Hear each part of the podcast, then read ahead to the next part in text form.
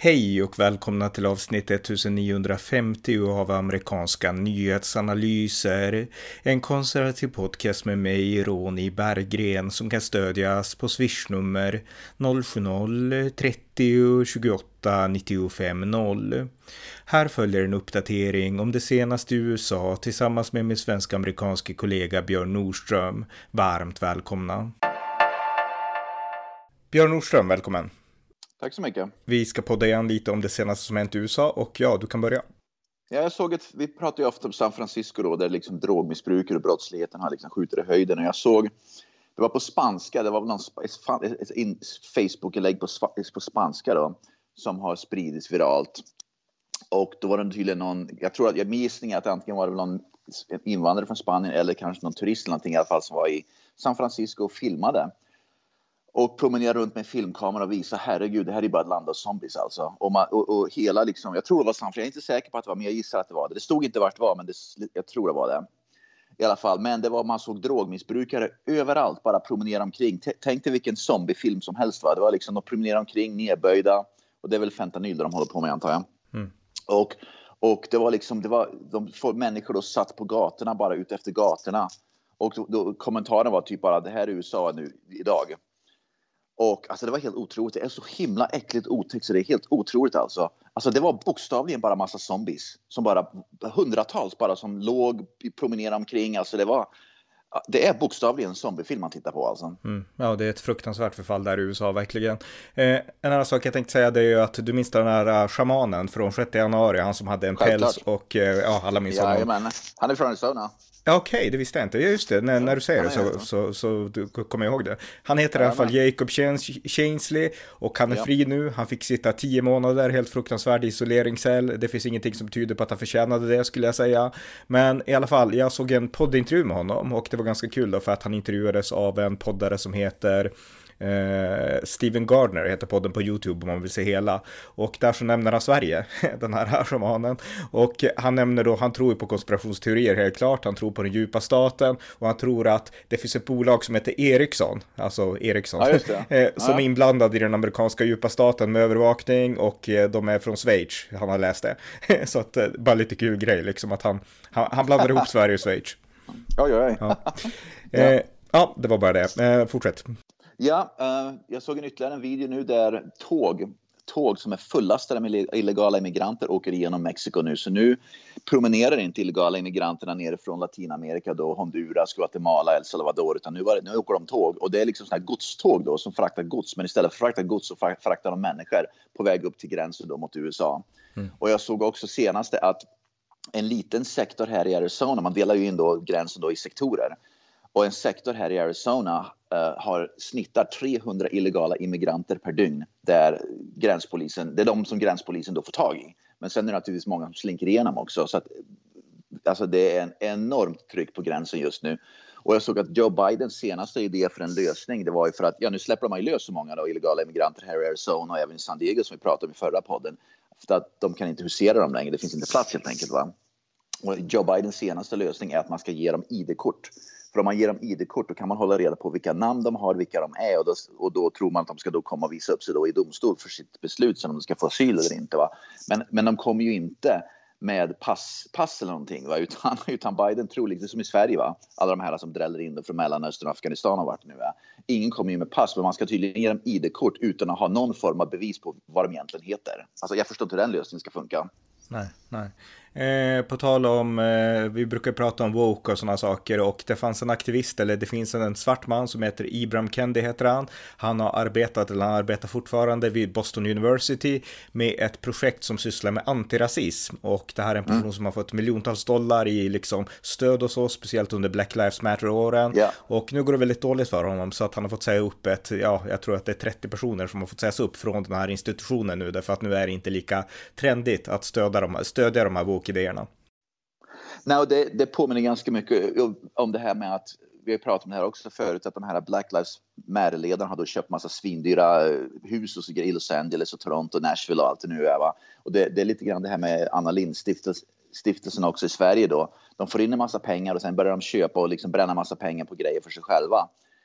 Och eh, just för att de har liksom makten att göra det. De skiter ju egentligen fullständigt i, i, i, i den befolkningen, den gruppen då, eller, eller vad ska man säga, det som de egentligen borde göra, utan de bara liksom tilldelar sig själva massa pengar och sina närmsta kompisar och så vidare och familjen. Mm. Och det är väl det vi ser här med. Och det här med Black Lives Matter.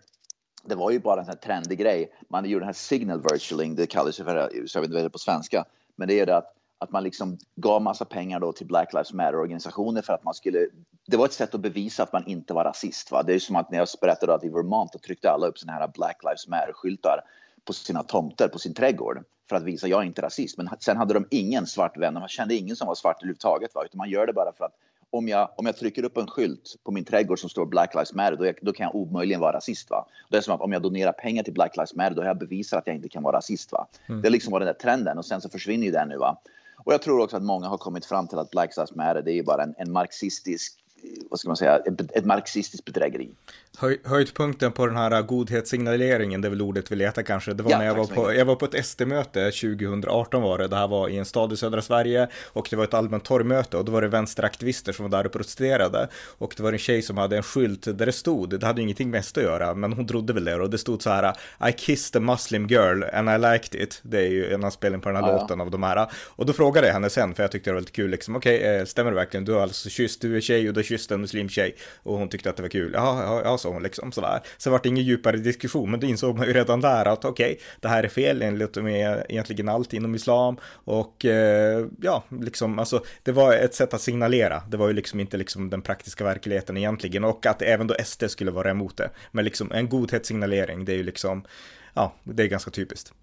Ja, precis. Och ingenting, ingenting. Jag kan inte komma på en endaste enda sak som har blivit bättre för den svarta befolkningen i USA, framförallt för svarta unga män i USA, sen Black Lives Matter startade. Ingenting. Tvärtom antalet mord där svarta mördar andra svarta har ju dessutom ökat. Va? Så många, det, som, det som gör att svarta får det bättre i USA, den ekonom, ekonomin blir bättre, arbets, eh, arbetsmarknaden blir bättre, man får jobb och man kan liksom försörja sin familj. Va? Men Black Lives Matter som organisation, som då sekt, har inte gjort någonting överhuvudtaget för att förbättra någonting för den svarta befolkningen. De har, tvärtom, de har ju skitit i den svarta befolkningen. De har bara skott sig. Det är några ledare som har skott sig eh, ekonomiskt. Mm. Ja. ja, fortsätt. Ja, Harvard har just blivit utsett till USAs sämsta universitet vad gäller yttrandefrihet. Så det finns tydligen en, en, en organisation som då delar ut poäng och rankar och listar då alla universitet hur mycket yttrandefrihet de tillåter i, i USA. Och uh, Harvard ligger sämst. Uh, rankningssystem, då poängsystemet ligger mellan 0 och 100. Har du 100 så har du extremt bra yttrandefrihet, har du 0 så är det dåligt. Harvard har minus 10. Så de låg under, de fick minus 10. Mm. Och många av universiteten i absoluta botten uh, är också sådana här fina universitet. Jag tror University of Pennsylvania, där Leah Thomas, uh, liksom, det där drog igång med då Leah Thomas transgender, alltså där i sport. Mm. Så flera av de absolut finaste universiteten i USA som man tycker borde vara de med mest yttrandefrihet, de är sämst yttrandefrihet. Mm. Ja, det säger ju verkligen vilka sekter de här universitetsmiljöerna ja. blivit, tyvärr alltså. Så att, ja. Mm. Ja, uh, nästa grej är att Lauren Bobert, hon har, hon har uh, brutit upp, hon har uh, gjort slut med, den här, med hennes pojkvän då. så hon i alla fall, hon, skyller fortfarande ifrån sig lite grann, men hon har gjort slut med honom och han var demokrat dessutom. Och så sa att nästa gång jag dejtar någon, då måste jag ta reda på om han är demokrat eller republikan. ja, en annan, så, sak, ja. Ja, en annan sak är att eh, Joe Biden har startat ett departement för att motverka vapenvåld i Vita huset, alltså ett departement i Vita huset som heter Jaha. Office of Gun Violence Prevention. Han gjorde det bara häromdagen. Och det här är helt unikt och helt nytt och de flesta som är anhängare av vapen i USA, de anser att det här kommer att vara ett eh, stort problem för vapenägare, därför att det här kommer upp liksom befolkas med människor som är med i liksom anti-vapenlobbyn och de kommer driva aktivism mot vanliga hederliga amerikanska vapenägare. Så att, eh, ja, och det här är någonting som vapenlobbyn som stödde Biden 2020 har pressat på under lång tid, så att nu tillgodoser Biden deras önskan och eh, vi får se vad det här resulterar i, men det kommer säkert bli en stor, eh, ja, en stor diskussion kring det här ämbetet, från allt från vapenlobbyn till NRA och så vidare. Jag tror ärligt talat inte det kommer att ha någon direkt påverkan. Nummer ett så om det är Vita huset det kommer att vara så är det ju då om, om Republikanerna vinner nästa val, vilket är presidentval, så kommer ju den gruppen att ryka vara nummer två. Det finns ju ingenting konkret de kan göra. Biden har ju redan provat då, men, men saker och ting måste ju lagstiftas, gå igenom kongressen och kongressen är ju nu representanthuset då, den är ju republikansk och även då att eh, högsta domstolen har ju också sitt och säga i det här. Va? Så att det här är mer, tror jag, godhetssignalering annat än någonting annat. Så det här kommer inte leda till någonting, tror jag. Ja, du kan ha rätt faktiskt. För att eh, helt klart, om Republikanerna tar över så ryker det ju. Så är det mm. ja, Absolut. Så det, ja. jag är inte skvatt orolig för det där. Bra, bra. På tal om Joe Biden, på tal om Joe Biden i alla fall. Han gick ut och sa officiellt nu att, att sonen Hunter Bidens legala problem, då framförallt det här att han ska nu åtalas och allt det, kommer förmodligen kunna hålla på så länge. Så Joe Biden sa att jag, kan få, jag kommer kanske kommer att vara död innan det här kommer att vara över. Så Joe Biden börjar reflektera över sin egen hälsa nu i alla mm. fall. Och Joe Biden träffade då, han höll ett tal och han träffade Brasiliens president för ett par dagar sedan. Och han gjorde bort sig återigen. Så efter när man håller ett tal och med en annan president så brukar man ju då skaka hand med presidenten innan man promenerar iväg. Men Joe Biden han skakar hand med då, vad ska man säga, en tredje person som var där och vad ska man säga, höll i mötet. Och sen så när, när Brasiliens president skulle promenera fram till Biden och skaka hand så vände sig bara Biden om, gjorde honnör till publiken och promenerade iväg. Och sen promenerade sen promenerade han nästan in i, en, i den amerikanska flaggan. Så att, och, och, man såg den brasilianska presidenten och så li, lite förbaskad ut. Han liksom bara gjorde en, han, han liksom tog handen och liksom bara vinkade iväg Biden ungefär som att sticka iväg med det nu då. Och han gjorde en, och det här var ju vänsterpresidenten Lula skulle jag precis, tro. Mm. Precis, att han, så, så presidenten för Brasilien såg lite upprörd ut att Biden vände ryggen till att promenera iväg och inte gjorde en handskakning. Va? Så att, men, men man ser när Biden går iväg och han promenerar iväg. Han, ser, han bokstavligen ser ut som en zombie med. Han bokstavligen promenerar som en zombie med. Mm. Han har, alltså det är helt otroligt att, att, att Demokraterna kommer att vilja liksom ha fram honom då som en presidentkandidat igen. Alltså, mm. När man ser honom bara promenera så ser man att är det här liksom en, det här är inte en hälsosam människa längre. Han, han, är för gammal. Men du, jag såg ett jätteroligt viralt klipp på social, alltså på X på Twitter igår och det var en person som var utklädd till Joe Biden. Så hade han, alltså det var ja. en äldre person, samma hårfärg, samma sätt att gå och sen hade han en liksom ansiktsmask då som Biden kan ha ibland då, i rädsla för sjukdomar. Ja, så, så man kunde inte se att det inte var Biden. Så gick han omkring där utanför, jag tror att det var utanför Vita huset och så låtsades han att han var ute och gick utan sina livvakter och folk vart jätteställda liksom. Han gick där förvirrad, liksom ungefär som att han tappar bort livvakterna. Du får leta upp det sen, det är rätt kul klipp det. Mm. Jag ska kolla på det, men jag, jag, jag, jag tror liksom att det här är någonting, det är någonting som representerar Joe Biden. jag tror inte folk skulle bli förvånade om Biden råkar promenera iväg från sitt dagis, Vita huset, och sen promenera ut på gatan för han, han hamnar fel på något ställe. Och sen promenera. Det, är liksom, det där är fullt möjligt att han gör. Och det här är för mig helt otroligt också, att, att demokrater och liksom människor fortfarande tycker att Biden ska man rösta fram. Det är som att vi hatar eh, Demokraterna hatar Republikanerna så mycket. De ser hellre en totalt värdelös Biden och totalt, totalt värdelös Kamala Harris mm. än en kompetent republikansk president. De spel, det spelar ingen roll hur mycket Biden ställer till med så länge det inte är en republikan som är i Vita huset. Eh, på tal om det, bara en kort sak här då. Alltså igår så lyssnade jag på Sveriges Radios USA-podd, USA-podden med de här kvinnorna som leder den podden. Och de pratade om Kamala Harris och de eh, eh, diskuterade varför hon är så impopulär. De konstaterade att hon är det och eh, de menade att ja, men, republikanerna beskyller henne för att inte ha besökt gränsen och så vidare. Men sen kanske det ligger lite i att hon är svart och kvinna liksom. Och jag menar, det ligger ingenting i det. Utan det som, alltså problemet med Kamala Harris är att hon är värdelös. Hon är inte kompetent och liksom alla vet det ungefär. Det är därför hon inte har förtroende och det framkom inte klart nog. Jag, har, jag följer nyheterna ganska hyfsat. Jag har inte läst, jag har totalt glömt bort att Kamala Harris är vicepresident förresten. Jag, jag, jag, jag läste på frågan, är hon fortfarande vicepresident? Man hör ingenting av henne, av henne, om henne. Inte. Hon är totalt persona non grata. Hon har liksom försvunnit helt. Mm. Så jag undrar, vad sysslar hon med? Vad, är det, hur, vad, liksom, vad, vad, vad egentligen gör hon överhuvudtaget? Men det kanske bästa är att hon inte gör någonting, därför att gör hon någonting så blir det ju bara fel ändå, då bara blir saker värre. Mm. Men att hon, hon, hon, hon finns, existerar inte längre i amerikansk politik. Hon är totalt, vad ska man säga, glömd, bort, borta på något vis. Intressant, mycket intressant. Mm. Eh, ja, något mer? Hade du, hade du ja, något mer? Mm. Jajamän, jag har några saker till. Um, en, en, en gymnasieskola i delstaten Pennsylvania. Pennsylvania är då det här transgender började då med Leah Thomas i University of Pennsylvania för några år sedan. En högstadieskola i Pennsylvania gjorde en organiserad walkout där, där hundratals elever promenerade ut i protest mot att, att, att kommunen beslutade att eh, inte vägrar ändra så att biologiska pojkar inte längre får vara i samma omklädningsrum som biologiska flickor. Så kommunen har sagt nej, biologiska pojkar, om de säger att de är flickor ska de få bara byta, byta, byta om i samma omklädningsrum som flickor. Men hundratals elever gjorde en organiserad walkout. De promenerade rakt ut bara från skolan, liksom lämnade bara skolan sa att det här är skit. Hmm, okay. Och det som kom, jag tror att vi kommer att se mer av det, att skolor, elever på skolor kommer att säga att vi har fått nog. Framför allt kommer det att vara pojkar, inte flickor, utan framför allt kommer det att vara pojkar som kommer att visa att de har fått nog och säga att vi ställer inte upp på det här som pojkar längre som män. Hmm. Och jag tror att, för att jag tror att flickorna tror jag på något sätt har de måste ha pojkar med sig och hjälpa till med det. Mm. Så vi kommer nog se allt fler skolor där sånt där sker nu. Ja, jättebra. Det är ju liksom strångt av killarna att göra det liksom, så att mycket, mycket välkommet. En annan sak som jag kan berätta bara på sidan om här, det är att Brett Bayer på Fox News, han har gjort en intervju med Saudiarabiens kronprins Mohammed bin Salman. Och det här är en person som är väldigt kontroversiell, men det här är den första intervjun som bin Salman gör helt på engelska. Och det är ja. typ mer än en timmes intervju och jag har sett några klipp som har kommit ut och det är jätteintressant. Han säger bland annat att uh, det här är en person som leder ett väldigt kontroversiellt land,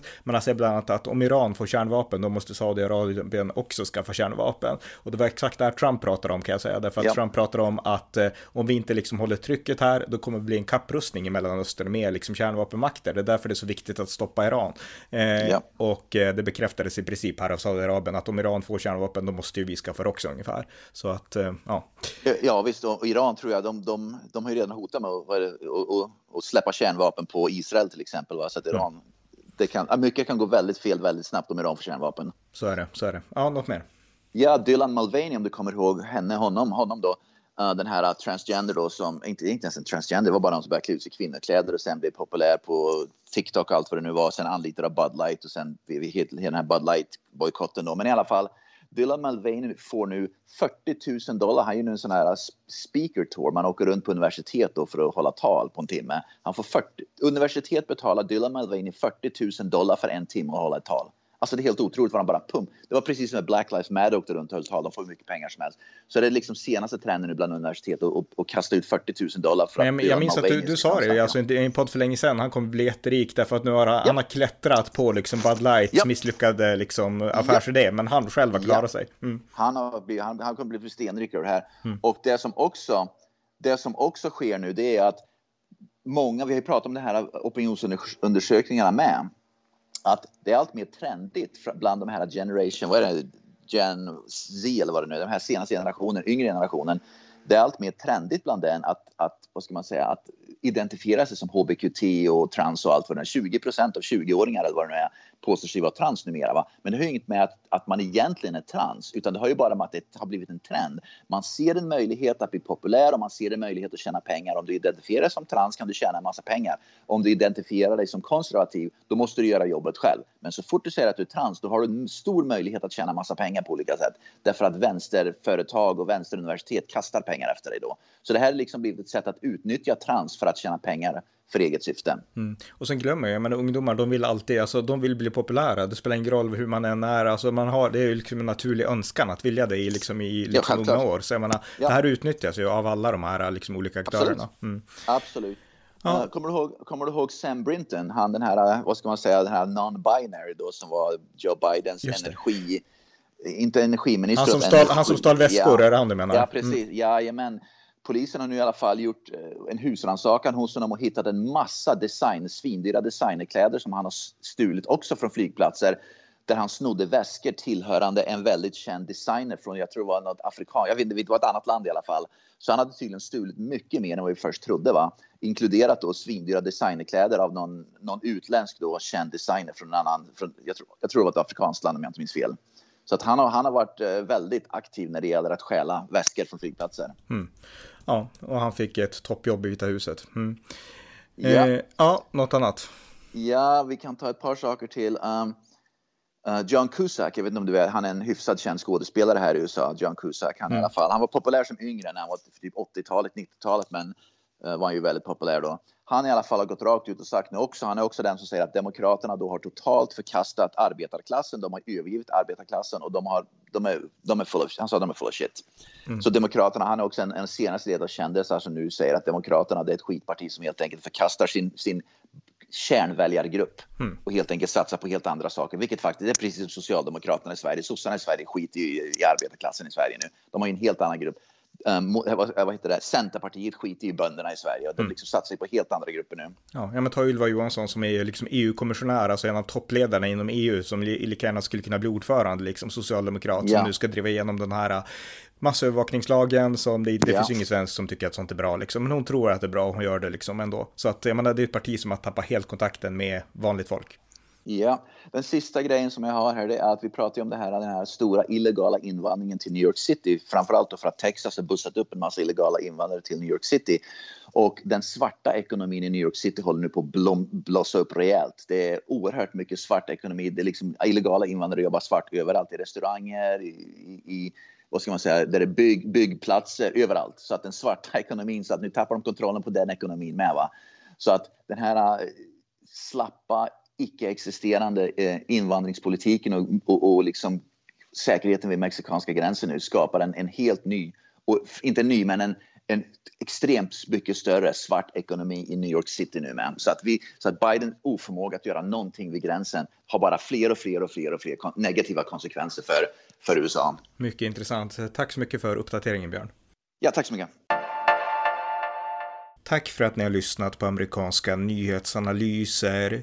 En konservativ podcast som kan stödjas på swishnummer 070-30 28 95 0 eller via hemsidan på Paypal, Patreon eller bankkonto.